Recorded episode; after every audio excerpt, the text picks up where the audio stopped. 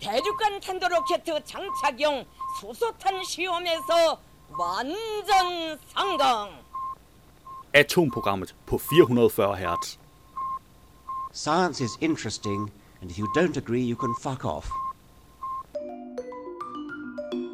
Mit navn er Flemming Håkær Sørensen, og du lytter til Atomprogrammet. Jeg har en masse sjove sager med i dag. Vi har tre podcast, vi skal høre klip fra. Det er selvfølgelig Brainstorm og Science Stories. Og så er vi nået til den tid på måneden, hvor der også er en fra Radionauterne. Og øh, de har startet sig en lille miniserie om liv i rummet. Forklaret for de mindste. Nå, derudover så har jeg nogle nyheder. Jeg har her 3000 år gammel maske af guld er fundet. Og jeg har for første gang er der blevet opdaget flere søvnstadier hos en blæksprutte. Og hvad massegraven gemte. Nå. Forskning viser en voldsom stigning i antallet af lyn over Arktis. Ja, så hvis du er bange for tordenvejr, så skal du ikke tage til Arktis. Møntfund kan løse kæmpe piratmysterium. Mm-hmm. Og øh, så slutter vi selvfølgelig det hele ad med, eller så slutter vi selvfølgelig det hele af med ugens nyhedsopdatering fra NASA. Lad os kaste et hurtigt blik på, hvilke podcasts, der er dukket op i løbet af ugen. I denne uge er der en ny udgave af Videnskab.dk's Brainstorm podcast. Det blev meget tydeligt for mig, når jeg gik forbi øh, glasvægge, at jeg lige pludselig kunne se, at jeg gik anderledes og slæbte på foden, og så især det her med, at øh, den ene arm bare hang ned langs siden. Velkommen til Brainstorm. I denne episode skal vi høre historien om Hanna og hvad der sker i hjernen, når man har Parkinson. Og den forsker, hvis hjerne vi plukker, er Per Boghammer. Mit navn er Asbjørn Mølgaard Sørensen. Jeg hedder Bakstrøm Kok. Velkommen Til Brainstorm. Det var en lille bid af Brainstorm. Du kan naturligvis finde et link til podcasten i show notes. I denne uge er der også en ny udgave af Science Stories podcasten. Alt liv er elektrisk, men nerveimpulser er måske slet ikke så elektriske, som vi måske har lært i skolen. Nogle gange sker det i videnskaben, at det man mente var en fuldstændig beskrivelse af et fænomen, pludselig viser sig at være helt anderledes end det man troede det var. I dag har jeg fået Thomas Heimburg fra Niels Bohr Instituttet i studiet, og Thomas Heimburg arbejder netop med en model om, hvordan nerver fungerer, som vender op og ned på det, jeg selv engang lærte på universitetet. Selvom Thomas Heimburg møder modstand i videnskabelige kredse med sin nye model, så har den imidlertid nogle fordele, som gør den meget mere interessant. Den forklarer nemlig, hvordan bedøvelsesmidler virker på nerveceller. Og den giver også en forklaring på, hvorfor at de signaler, der bliver sendt i nerveceller, rent faktisk foregår så langsomt, som de gør. Men før vi kommer for godt i gang, skal vi lige omkring det grundlæggende videnskab om elektricitet i alle levende organismer. Den danske Nobelpristager Jens Christian Skov fik i sin tid Nobelprisen for at påvise, hvordan natriumkaliumpumpen, som sidder i cellemembraner på alle levende organismer, skaber en elektrisk ladning mellem ydersiden og indersiden af alle celler. Ifølge Jens Christian Skov indgår der elektricitet i de fleste livsprocesser i kroppen. Fra nerveimpulser til muskelbevægelser, og en menneskekrop bruger cirka en tredjedel af sin energiomsætning på at opretholde sin elektriske energiladning. Thomas Heimburg, det kommer måske bag på nogen, at vi i den grad er elektrificerede mennesker. Mener du, at elektricitet er et grundlæggende vilkår for liv? Det var en lille bid af Science Stories, og du kan naturligvis finde et link i show notes. I denne uge er der også noget for det yngre publikum, Radionauterne. Du lytter til Radionauterne, en podcast for nysgerrige børn. Mit navn er Lisa. Hallo? Er der nogen eller noget derude? Hmm.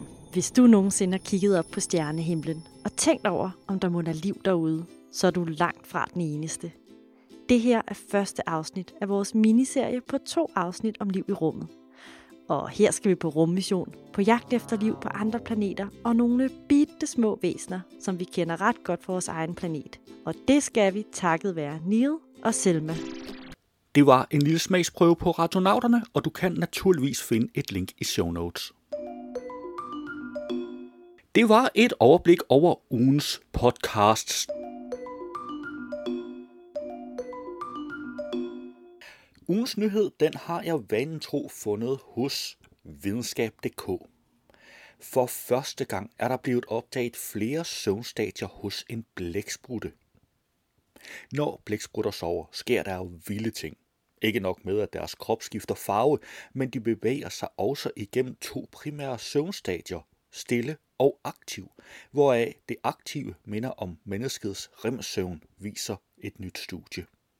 Det er første gang, forskere har dokumenteret flere søvnstadier hos en blæksprutte, og resultatet er udgivet i tidsskriftet iScience.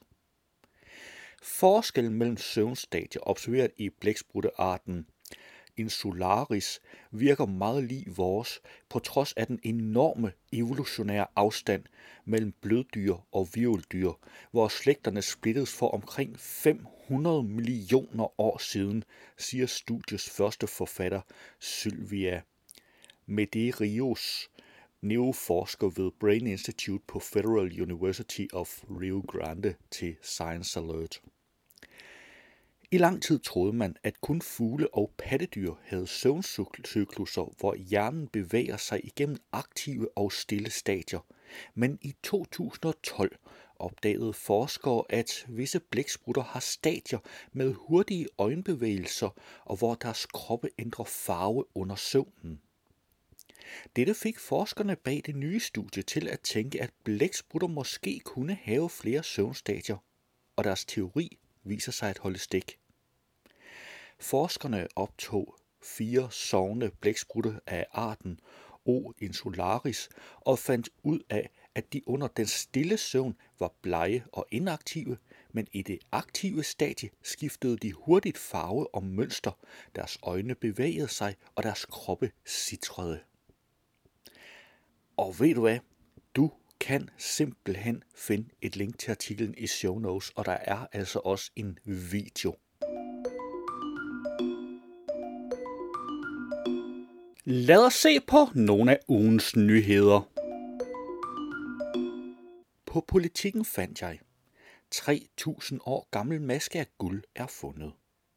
Et fund af en guldmaske i den kinesiske provins Sichuan så tvivl om Kinas teknologiske historie og kommer et skridt nærmere på afklaring af ukendt civilisation.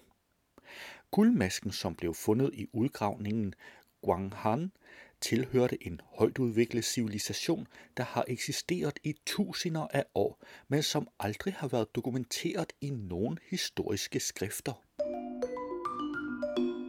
På weekendavisen fandt jeg, hvad massegraven gemte. Britiske Martin Biddle og danske Birte Kølby Biddle er det store ægtepar i moderne international arkeologi.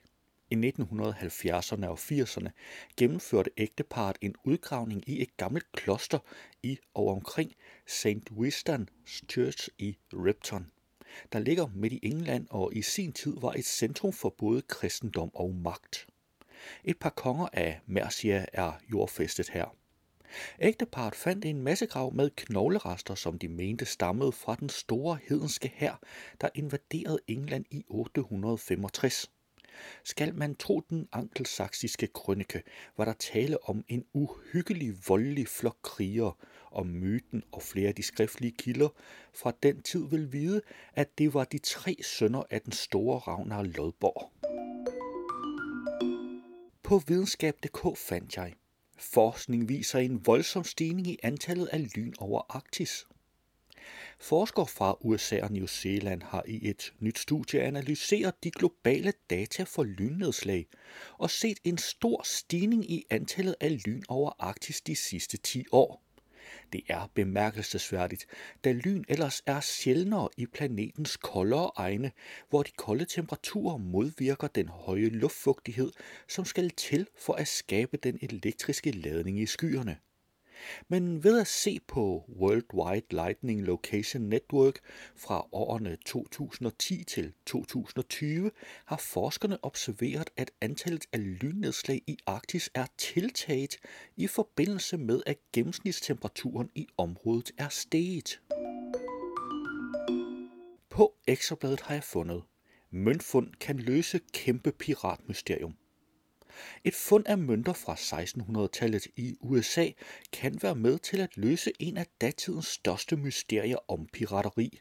Ifølge nyhedsbureauet AP lyder mysteriet således. En morderisk engelsk pirat ved navn Captain Henry Avery blev verdens mest eftersøgte, efter han plyndrede et skib fyldt med muslimske pilgrimme på vej til Indien fra Mekka. Herefter skjulte han sig som slavehandler, og senere forsvandt han som duk for solen. Det var ugens nyheder, og du kan naturligvis finde links til samtlige artikler i show notes. Hvis du havde hørt radioudgaven, så ville her være denne uges udgave af NASA's nyhedspodcast This Week at NASA, men den er ikke inkluderet i podcastudgaven af udsendelsen. Du kan finde et link til den i show notes. Det var atomprogrammet for denne gang. Du skal have tak, fordi du lyttede med, og vi lyttes ved næste gang. Atomprogrammet er hjemhørende på 440 Hz. Du kan finde mere på 440 Hz.net.